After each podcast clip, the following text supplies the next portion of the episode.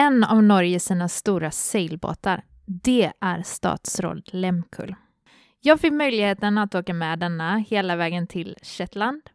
Och nördar som jag och min kollega är stod vi på däck och betraktade bölgerna under turen. Den ena dagen var det en del sjö, cirka 3-4 meter höga bölger. Vi stod där vid räckverket. Helt plötsligt, från ingenstans, kommer en kämpestor bölge och sköljer över däck. Jag kommer ihåg att jag verkligen blev överraskad över kraften i denna böljen. Båten krängde också en hel del så vi miste fotfästet och skled i stor fart in mot mitten av båten och träffade masten. Väninnan min fick en skicklig tryck i låret och jag knack faktiskt tot här.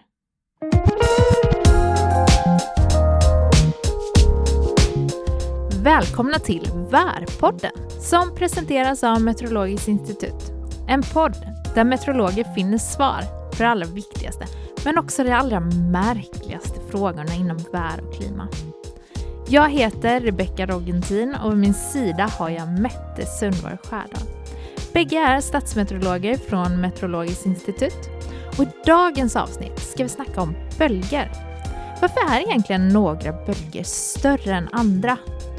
Och hur stora är bölgerna i havet utanför Norge?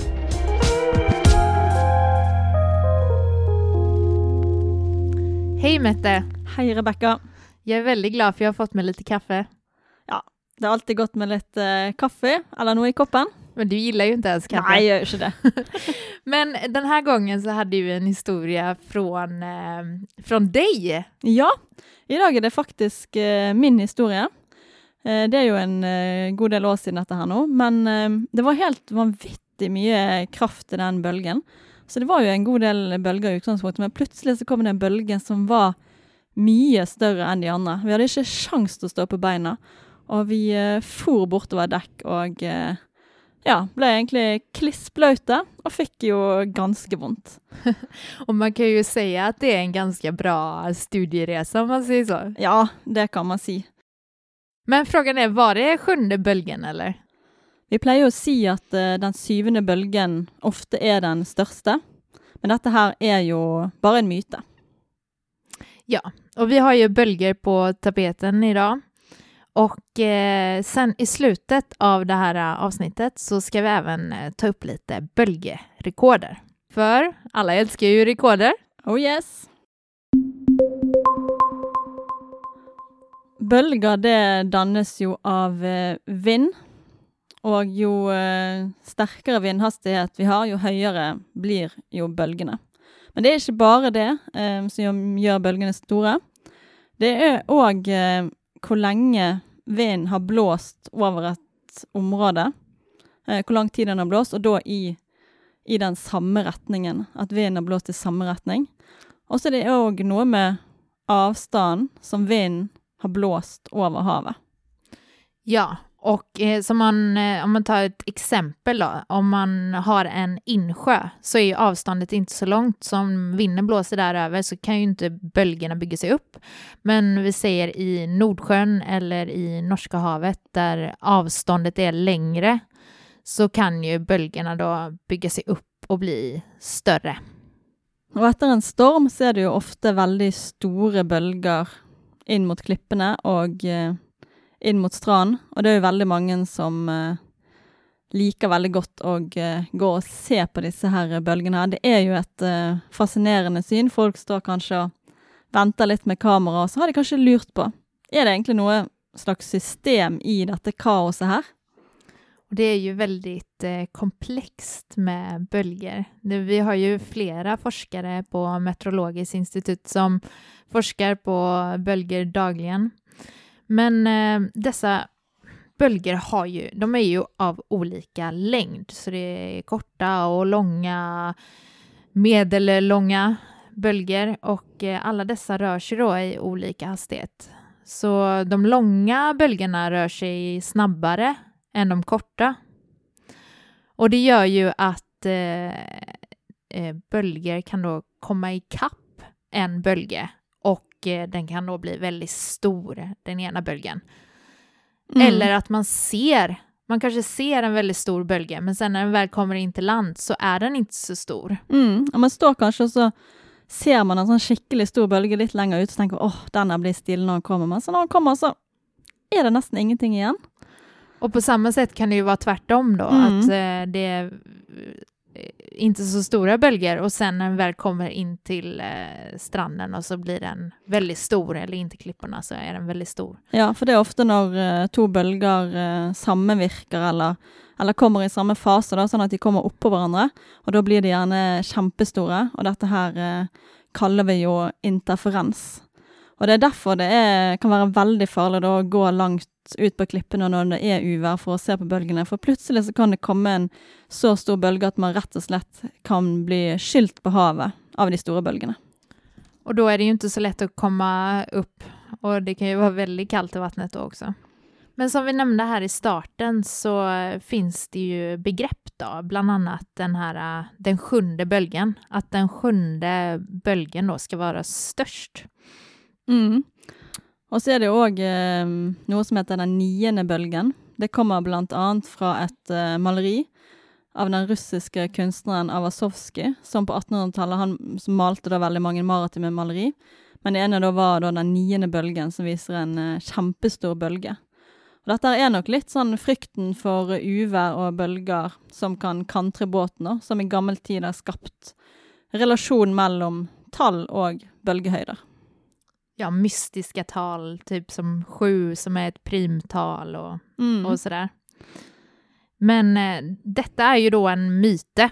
Ja, for det, går ikke an å si at det er et spesielt antall bølger mellom de aller høyeste bølgene.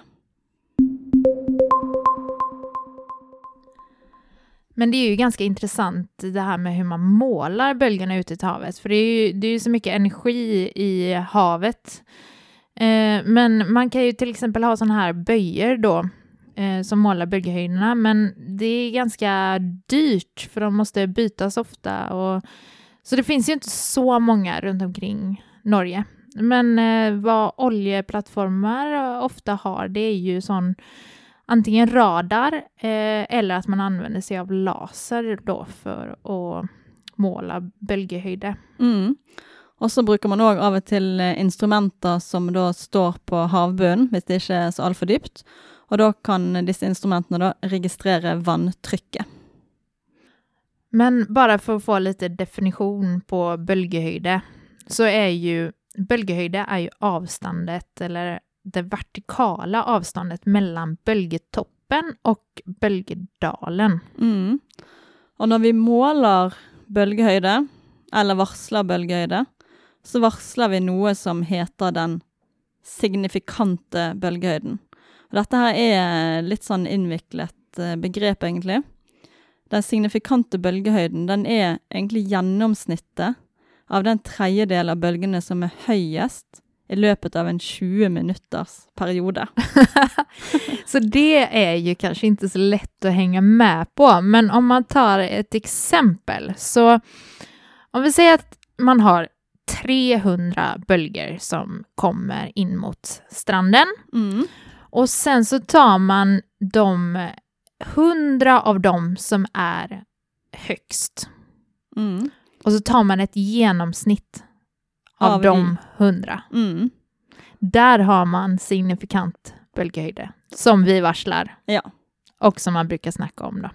Men det betyr jo òg at den maksimale bølgehøyden kan jo bli veldig mye større enn den signifikante bølgehøyden. Altså den eh, maximala kan faktiskt bli dubbelt så stor. Bölgerna kan ju bli väldigt höga ute i Norska havet och i Nordsjön. Det kan ju bli till exempel 10 meter. Det förekommer ju av och till. Eh, I Skagerrak så blir ju bölgerna något lägre då än vad det blir i Nordsjön och Norska havet. Men eh, bara för att säga generellt så ligger ju bölgehöjden någonting mellan en halv meter och sex meter där ute. Mm. Men innover i fjordene så er det egentlig veldig sjelden at den signifikante bølgehøyden kommer over en halv meter. Men i veldig spesielle tilfeller, som f.eks. når vi har ekstremvær, så kan bølgene bli større enn dette. Det ser man ofte da, på grund av skader som vi kan få langt inne i en fjord. I havet vest for Norge så kan det jo bli utrolig høye bølger.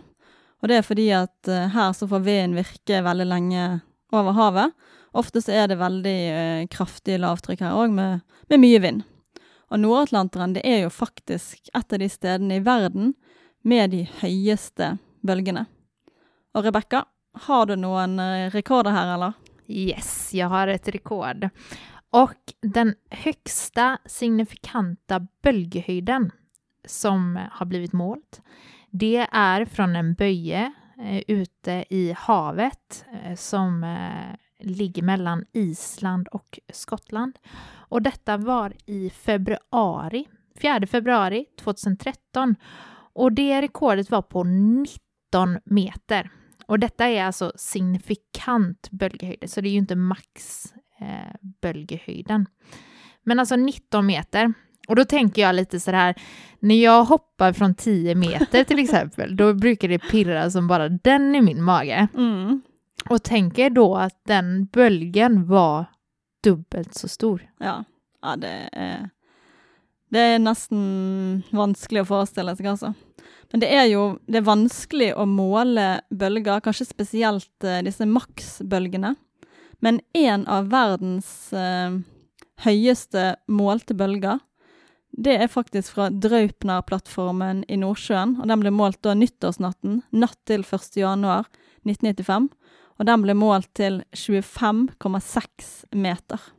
Och ska du ut till havs och lura på vad bölgehöjden är så kan du gå in på yr.no och hitta denna informationen.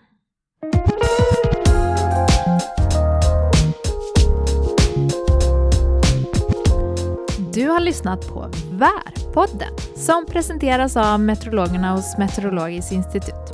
Vi hörs igen nästa gång. Ha det bra!